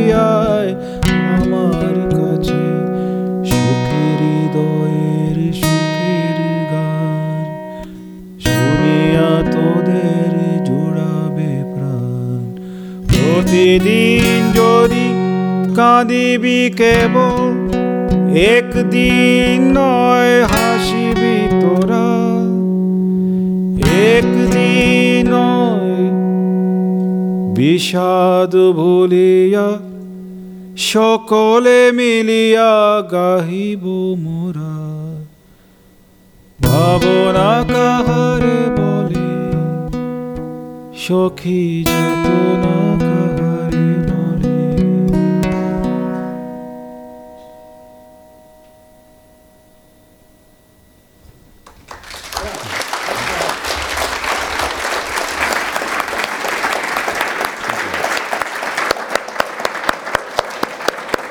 je wordt toch even weggevoerd hè, uit je stoel. Ik bedoel, als het alleen woorden zijn, gaat het nog wel, maar zodra je gaat zingen, ben je verkocht. Dankjewel, Raj. Ehm, even, ja, de bigger picture ook nu nog. Ehm, er is op dit moment geen civil rights movement meer zoals we die kenden uit de jaren 50 en 60 in Amerika. Er zijn heel veel bewegingen eh, in Amerika, waaronder heel bekend geworden Black Lives Matter. Misschien wel een van de grote, misschien wel de grootste beweging op dit moment in de wereld is hashtag MeToo. Ik weet niet of Martin Luther King die test had doorstaan, daar twijfel ik wel eens aan. Ehm, maar goed, je- jij zei net, daar heb je ook al op gehint. En dat is ook het mooie, vind ik, aan je eh, boek of je boekje. Dat bedoel ik niet denigreren, maar gewoon qua omvang. Ah, zeg maar essay. Ja. Essay, je, nou, essay, dat is een goed, goed woord. Dat je ehm, eigenlijk zonder die identiteitspolitiek frontaal aan te vallen, of de tekorten daarvan te benoemen, ga je er omheen, laat je die drie mensen zien en je ziet dat wat zij doen, alle drie, op hun manier, meer is dan alleen maar identity politics. Ik bedoel daarmee dat het meer is dan de weerspiegeling van wie zij toevallig zelf zijn. Ja, ik denk dat, dat, dat die reactie, die identity politics, ook wel in de hand gewerkt is door waar deze drie mannen eigenlijk steeds mee geassocieerd hebben- Ik heb zelf ook steeds gezegd gedeelde menselijkheid. Maar dat wordt ook een beetje makkelijk. hè? Dus we zeggen, we zijn allemaal maar mensen, we hoeven elkaar diep in de ogen te kijken. Dat is een beetje dat, die vorm van humanisme of christenhumanisme, waar ik zelf altijd een beetje huiverig voor ben. Dan, dan komt de maître wordt dan weer in mij wakker en zegt ja, maar hè, bedoel, eh, als je, Je bedoelt een nu Joseph de Maître, de- als je een vluchteling, als je een vluchteling opneemt, Ja. dat kan je uit principe, principe doen. Maar dat is toch toch wel een mens die in bepaalde omstandigheden is opgevoed. Mhm. Dus het is toch best een klus om die te laten aarden in een totaal wezensvreemde Mhm. omgeving. Laten we wel wezen. Dat zijn allemaal opdrachten die ik vind dat jij moet aangaan. Maar doe niet naïef. He, ga niet zeggen, van, oh, het komt allemaal wel goed, want dan krijg je problemen. Gandhi, en dat, dat is een van de grote inzichten die ik ook heb opgedaan, is die, en ook Mandela, die zeiden altijd, eh, identiteit is heel belangrijk. Want je komt ergens vandaan, je wordt ergens gevormd. En als je het idee denkt, nou dat doet er allemaal niet toe, want we zijn allemaal mensen, dan roep je eigenlijk het onheil over jezelf af. En dan krijg je dus de reactie van, hoezo? Uh, Gandhi zei, identiteit is als een huis. Uh, je, dat is de plek waar je je prettig voelt, hè, waar je omgeving, waar je je mee verbonden voelt. Maar het moet wel een huis zijn met de luiken en de ramen open, waardoor de wind en de zon vrij spel kan krijgen. Dus juist als je jezelf voelt in een bepaalde identiteit, kun je ook makkelijker andere identiteiten uh, toelaten, er interesse voor hebben, omdat je jezelf vrij zeker voelt. Dus die, die, en laten we zeggen, die global humanist beweging, die een beetje zo van, we zijn allemaal maar mensen, en ook dat individualisme waar jij op, op, op, op doelde, dat heeft mensen ook een beetje verweest uh, gemaakt en kunnen dan, en worden dan als anderen, ze zien anderen dan als groepen die wel identiteit hebben, zien ze ook meteen als een bedreiging. Van, oh, die gaan ons overnemen, of oh, die gaan het... Terwijl als je jezelf vrij prettig voelt, kun je ook veel makkelijker openstaan voor anderen. Ja, ja, de identiteit hoeft niet een gesloten nee. bubbel te zijn. Maar goed, als we nou kijken naar Maar dat wordt het King, vaak wel. Nee, maar goed, ik bedoel, het was natuurlijk echt in de jaren 40, 50... Uh, toen King actief werd, waren niet alleen de Jim Crow-wetten, zeker in de zuidelijke staten, nog heel actief. Er was nog gewoon geen Civil Rights Act.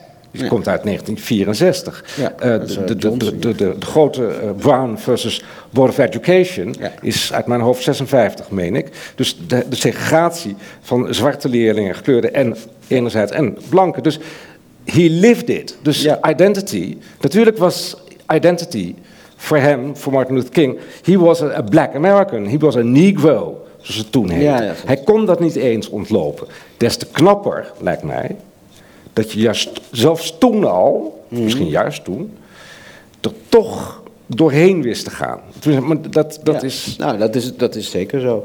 Uh, maar ik, ik, eh, wat je nu wel vaak ziet, is dat je aan de ene kant een soort eh, geglobaliseerd humanisme ziet. Mhm. hè? Eh, en aan de andere kant die gesloten identiteiten, die als reactie daarop van nee, eh, net, dat heb je natuurlijk in Nederland, die discussie. eigenlijk alle vormen van politiek populisme gaan over weer de zelfbeschikking Nederland weer van ons. hè. Mhm. Dat, om met Wilders dan nou, te spreken, te citeren. Maar maar als je daarnaar kijkt, het is allemaal je afkeren van een gemeenschappelijk, gemeenschappelijkheid. Het gaat juist over een ander idee van gemeenschap wat gesloten is. En dat vind je bij andere, sommige essentialistische groepen die weer terug willen van naar een soort eigen uniekheid. Wat natuurlijk ook een menselijke aandrift is om jezelf en je geestverwanten en je soortgenoten ontzettend uniek te vinden. Ehm, om dat te overstijgen is de opdracht. Het is een vrij natuurlijk gegeven van mensen. En dat is volgens mij evolutionair ook, kun je dat allemaal ook wel aantonen. Ehm, maar dat, maar de, de opdracht, en dat is het humanisme, wat, wat ik als humanisme zit, is gewoon een hele lastige opdracht waarin je tegen die eigen impulsen in moet gaan. En dat wisten deze drie mannen als geen ander. Nou ja, dat, jij noemt het een paar keer, eh, ook in je boek eh, of in je essay. eh, Humanisme, ja. Religieus humanisme, Ja. religieus geïnspireerd humanisme.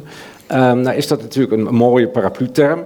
Daar heb je heel veel dingen in één keer gezegd, namelijk en religie en humanisme. En natuurlijk hangen die ook ten nauwste met elkaar samen. Maar ik vroeg me wel af, omdat je bedoelt, we hebben het hier, Martin Luther King is een uitgesproken religieus mens.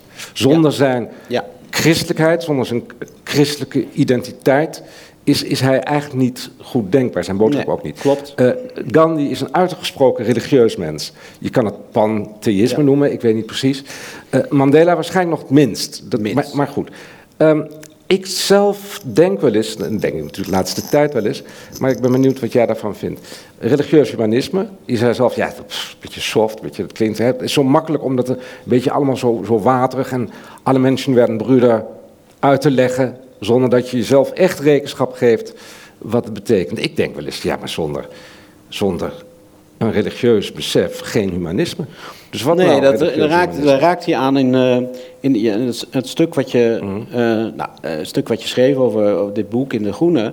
En daar moest ik ook over nadenken. Want ik ben niet religieus, niet religieus opgevoed. Ik, en ik, maar ik, ik- mijn onderwerp, als je dan mijn boek zo'n beetje, is, is een soort verdediging van het humanisme, maar humanisme met haar op de tanden. Dus niet dat, dat rooskleurige, we zijn allemaal maar mensen, humanisme, maar het humanisme is van, het is een strijd tegen de mens zelf. Het humanisme is een strijd tegen de mens zelf. Maar jij maakt het punt, dus jij kan, kan je eigenlijk die, die, die offers die deze mannen hebben gebracht, kan je dat eigenlijk doen zonder religieus te zijn? Nou, daar moest ik wel even over nadenken. En dacht, oh ja, dat heb ik dan misschien toch. Dat is, dat is wel een punt. En in ieder geval, dacht ik toen, moet je heel erg in iets geloven. Wat veel groter is dan jezelf. En dat is, eh, denk ik, wel moeilijker geworden. Uh, je hebt natuurlijk religieus fanatisme en radicalisme, uh, maar dat is ook een vorm van nihilisme, zie ik het. Hè? Want die zelfmoord, terrorisme Mhm. enzovoort, dat is bijna een vorm van, van hysterie. Uh, en en die, dat, is, dat is niet een, een, geloof wat je optilt om het beter te maken. Dat heb je ook nog steeds.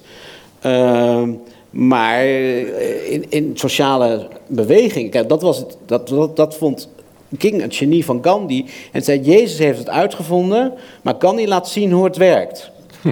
Dat het kan werken. Ja. Dat, het, dat die boodschap van Jezus sociaal activisme mm -hmm. kan. Uh, dat vond hij het genie van Gandhi. En daarom noemde hij Gandhi, en dat is de grootste christen uh, mm -hmm. van de wereld. Dat vind ik ook wel weer grappig, want dat is een hindoe natuurlijk. Maar die, die um, en, en, dus dat je die boodschap van Jezus in een sociale ac activisme kunt uh, omzetten. Dat was voor Luther King. En dat, dat, dat is denk ik wel zo. En je kunt je afvragen in hoeverre die, die, die, die kracht die je moet hebben om. om zo, en, en ook, ja, natuurlijk, het is ook een andere tijd. Het is versnipperder. We zijn individualistischer geworden. Het onrecht komt vaak, althans kwam een tijd lang niet zozeer van de staat, zullen we maar zeggen. Het kwam meer van de onderhuidse spanningen in de maatschappij. Inmiddels in Rusland of, of Turkije kun je ook zeggen dat het onheil ook wel weer van de staat. En de in de Verenigde Staten. En, uh, bedoel, dat, en we weten niet wat er hier gaat gebeuren. Iedereen heeft opgelucht adem gehaald uh, de afgelopen verkiezingen. Maar dat, is helemaal, dat wil helemaal niet zeggen dat, dat hele marginale groepen niet plotseling heel in het centrum kunnen komen te staan. Wij, we leven in een heel ongevormde, onzekere tijd wat dat betreft. Waarom, ik wil niet met heel veel radicalisme. Maar als je, wat het religieuze standpunt natuurlijk is, en uiteraard, ik bedoel, dat, daar komt ook dat humanisme uit voort.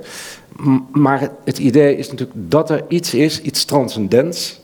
Niet alleen dat jij jezelf overstijgt, maar dat, ik gebruik even nu een metafoor. Als je een satelliet hebt, dan ga je eerst naar boven en dan gaat hij weer terug naar de mensen. Dus als jij verticaal kijkt, dus als je, uh, je zit in een groep. Ik probeer te volgen. Ja, nee, maar ik ga het heel zeggen.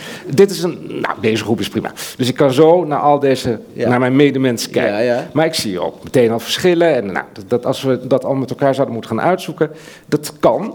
Maar dan komen we eerst op al die kleine verschillen die ons toch ook scheiden. Wat je ook zou kunnen doen, uh, ik zei het verkeerd, dus ik ben net zo slecht in wiskunde. Ik bedoel dat je zo kijkt, dat is horizontaal, toch? Ja, dat is horizontaal kijken. He, he. Nou, die satelliet, ja. precies, he, x als Die is verticaal. Oké, okay. die satelliet is naar boven. En dan gaat hij weer terug. Maar juist omdat hij zoefbeweging ja, je bedoelt dat snap je wat ik bedoel? Nou ja. Dan kan een groep ja, nou dat kan een die idee verschillen van een, over, overstijgen. Dat is een, kijk, om het oneerbiedig te zeggen, van mensen die, kijk, religie is natuurlijk een verhaal, een verhaal mm. wat bindt. Hè? Ja. En dat verhaal kan natuurlijk, daarom is het zo onzin om tegen religie te zijn, omdat mm. dit, dat, dat kan, uh, zoals Jessica Stern zijn, uh, een terrorisme-expert die in de jaren, tien jaar geleden, die zei tegen mij: uh, religie maakt uh, goede mensen beter en slechte mensen slechter. Ja, dat is mooi en dat vond ik eigenlijk wel een mooie, ja. die heb ik al onthouden. Dus religie aan zich zegt helemaal niks. Maar als je zegt, kijk, ik ken waarschijnlijk dat boek van Harari, Sapiens. en hij zegt: mensen hebben verhalen nodig. Hè? Als je, Mhm. als je, wij zijn nu met zo'n honderd zoveel man. Nou, dan kunnen we met elkaar, als we iets moeten doen samen, kunnen we elkaar leren kennen en dan komen we er wel uit. Uh, dat gaat best, een beetje een paar spanningen en zo, maar we kunnen samen hoeven, hoeven niet een heel verhaal te vertellen. Als je met meer dan 150 mensen moet samenwerken, moet je, en die je niet kent, moet je een verhaal hebben om samen iets te kunnen zijn. En te doen. Kijk naar de Eu- Europese Unie. Ik ken al die mensen niet, maar je gelooft in de Europese gedachte. Althans, dat deden heel veel mensen tot, tot een aantal jaar geleden. Of het interesseerde ze niks. Maar het is in ieder geval een, een, een, een verhaal wat je deelt. En, en na de Tweede Wereldoorlog had je het verhaal van we moeten weder opbouwen. Schouders eronder met z'n allen. En dit, het fascisme nooit weer. Dat waren heel krachtige impulsen verhalen. Die dus een soort verbondenheid. Maar op een gegeven moment gaan die verhalen slijten. Die worden een beetje gebureaucratiseerd. Die worden een beetje lippendienst waar we het de hele tijd over hebben. Mensen zeggen het, maar doen iets anders. Hypocrisie, bureaucratie. Nou, en u kent alle bezwaren. Dus die verhalen beginnen te verbrokkelen. De, en dan zijn die mensen die nu samen moeten werken, die hebben geen verhaal meer. En dat wordt dan heel lastig. Eh, en religie is natuurlijk, en je hebt natuurlijk allerlei vormen van christendom, je hebt allerlei eh, eh, tijdperken waarin bepaalde bewegingen bloeien. Het kan een heel sterk bindend verhaal zijn. En ik denk dat dat voor heel veel mensen nog steeds zo is. Ehm, maar ik zou hopen eh, dat er ook verhalen nog steeds mogelijk zijn. En dat is eigenlijk een beetje stiekem mijn inzet, vandaar dat ik steeds dat humanisme noem. Dat dat humanistische verhaal eigenlijk veel sterker kan zijn dan misschien dat beetje die, die vage bloemetjestaal. Maar er is toch niks vaags aan Martin Luther King? Nee, dat bedoel Daarom. ik ook. Dus, ja. Dat bedoel ik dus. Maar ze zijn wel een beetje, eh, niet zoals we er vanavond over praten, maar ze zijn in de, in de, in de dat zegt popular imagination, in de, in de, in de media, Tim Cook, hè, Mhm. die dan zijn portret hangt en Martin Luther King Day en allemaal. Oh, Die man dus, van Apple. Dus het is zo makkelijk Tuurlijk, om, het, ja. om het te laten zweven. Dus die satelliet van jou komt dan helemaal niet meer terug. Om het maar even die beeld te Ja. Hè, die verdwijnt Maar- gewoon. Nee, dat. Oh, mooi. maar hoe gaan we inderdaad op een direct niveau Maar als je- verschillen je- overstijgen? Maar als je- hoe doen we dat dan? Nou ja, dat is. Kijk, dat is toch. Dat is één aspect wat ik eruit gehaald Mm. heb. Voor nu dan. Is dat die, die blik naar binnen. Kijk naar jezelf. Probeer jezelf. ehm, Dan moet je dus ook jezelf overstijgen al. ja. Nou ja, heb Dat je ook een satelliet nodig Nou ja, hoor. dat is. Dat is nou ja, Oké, maar met een beetje eerlijke oefening op jezelf kun je. Ja, ik wil geen. Het is niet therapeutisch bedoeld, maar. eh, en het is ook niet zo dat je eh, leert de racist in jezelf kennen. Maar misschien komt het daar toch wel op dat soort dingen neer. Dat je je reflexen en je impulsen en je blik en je, en je oordelen eh, tegen het licht moet houden. Ik, ehm, ik Dat wil is volgens eigenlijk nu, mij eigenlijk nu- nu- mijn belangrijkste punt voor vanavond. En misschien, nou, wat, wat, wat mij in al die drie films ook weer is opgevallen. Dat zijn gelukkig geen mannen uit één stuk.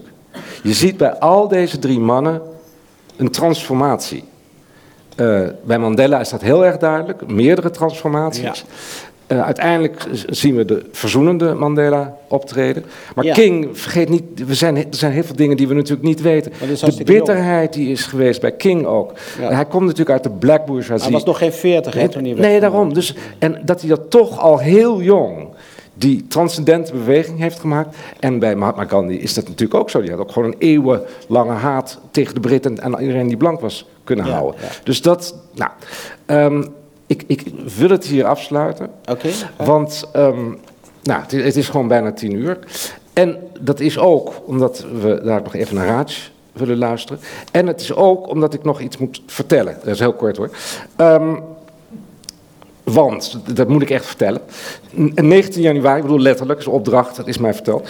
Eh 9 januari, dat is heel snel, is het Ben hier winternachten. Ben je jarig dan? 9 januari, ja. Maar dan ben je ook hier in Den Haag. 9 januari? niet. 19. 19, oh sorry, Oh, 9, oh. nee, sorry. 19 januari, eerst is het dus Bas Sorry. Verjaardag. Dan een hele tijd niet, maar dan wordt het dus toch weer 19 januari. Dan is hier winternachten in Den Haag. En dat is een, een motto, en dat moest ik even vertellen. Met eh, We the People, en het gaat over politieke idealen en het verlangen naar een daadkrachtig wijgevoel. Nou, het is Dus een eigenlijk mooi, mooi programma geworden. toch waar wij hierover gepraat hebben. Als u Bas Heijnen wil fe- feliciteren tien dagen na zijn verjaardag, dan kunt u hier naartoe in Den Haag. En dan is Bas Heijnen in gesprek met Leila Slimani, is een jonge Turkse eh, Nee, dichter. Marokkaans-Frans. Oh, oh, sorry. Leila Slimani. en eh, in Frankrijk moet je dan gewoon Frans zeggen. Voilà, Française. Eh, je hebt, spreekt ook met filosoof Even Mourad, toch? Ja. Nou, heel goed. Ik ben hier ook. Ik ben niet jarig, maar ik ben er toch, 9 januari in Den Haag. En ik praat met Alain Mamankou, dat is een eh Congolese schrijver. Hij wordt wel de Beckett van Afrika genoemd. En met Louise Opfresco, NRC-columnist en heel deftige wetenschapster. En met Luc van Middelaar, die ook weer in het NRC schrijft, over Europa, dat soort dingen. Ehm, nou, dat heb ik nu gezegd. En we gaan Dus ook nog Madame Bovary lezen is- in de boekenclub. Kijk, hier. Dus er is gewoon reden genoeg om in leven te blijven. Al was het maar om Bas te kunnen feliciteren. Bas. Uh, ik Je krijgt bedank... terug, hè? ik bedank je, Bas. Ik bedank je heel hartelijk. nog. En ik vind het een prachtig boek. Ehm, dadelijk eerst even Raj. Bas gaat ook nog even signeren. Dus als u dat graag wil, dan kan dat. Ehm, en, oh ja, dat moest ik ook nog vertellen. Dat is echt het allerlaatste wat ik moest vertellen. Het is ook om een reden om u te laten zitten. Er is een, een, een hoe heet dat? Een goodie bag voor u. Zo'n zo'n tasje met allemaal spulletjes. Voor iedereen van u. Dat is echt Oprah dit. Ja, ja, ja. Dus eh, you better sit down. Ehm, Dat ligt meestal onder je stoel dan, toch? nee, nee, Oh, volgens mij dat wordt het uitgezet. Raj, Raj Mohan, mag ik jou vragen?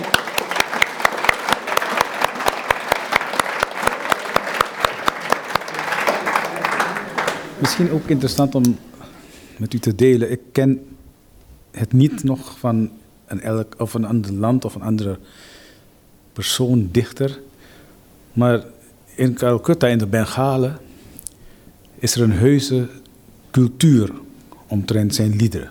Dus, je moet zich voorstellen, hij heet Rabindranath Tagore, en kort gezegd Rabindra.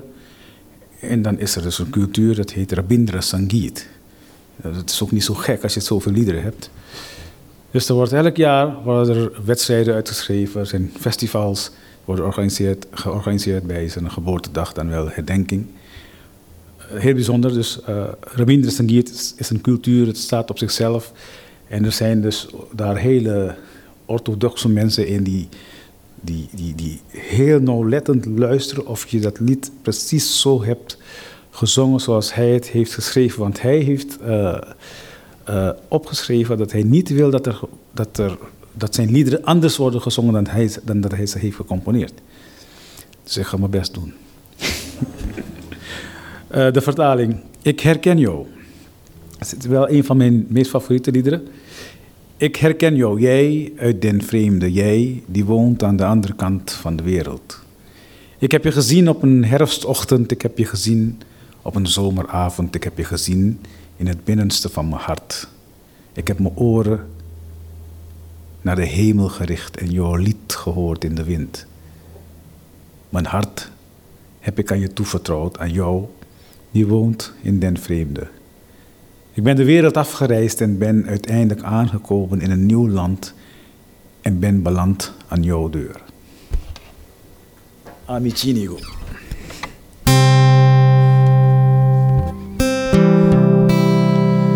আমি চিনি গো, চিনি তোমার। ও গো বিদেশিনী। আমি চিনি গো, চিনি তোমার। ও গো বিদেশিনী। তুমি থাকো সিন্ধু পারে। আমি চিনি গো চিনি তোমার। ওগো বিদেশিনী। তোমায় দেখেছি, শারদ প্রাতে তোমায় দেখেছি। মাধবী রাতে তোমায় দেখেছি। হৃদি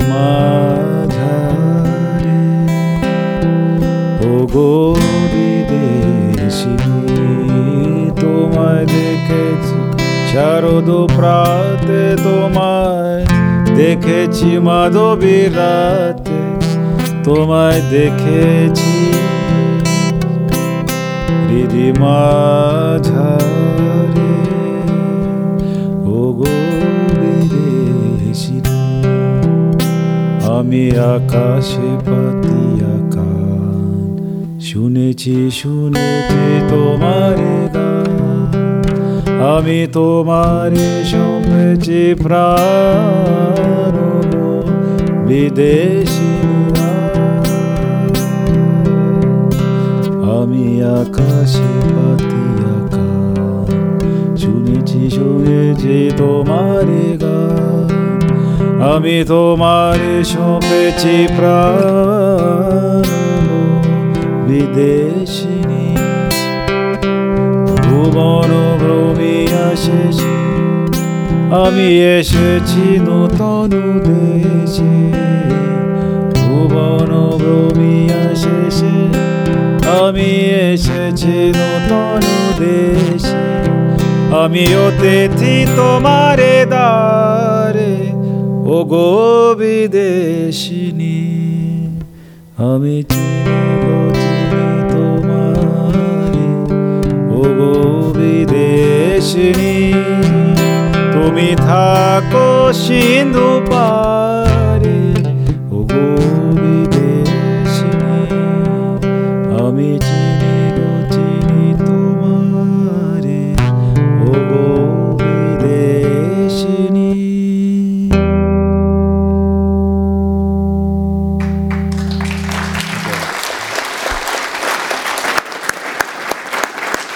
Raad Mohan, Bas Heijnen, u zelf, dank u wel.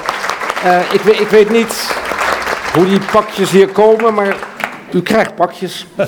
Echt? Ja, dat is waar. Stefan Sanders. dank je, Raad.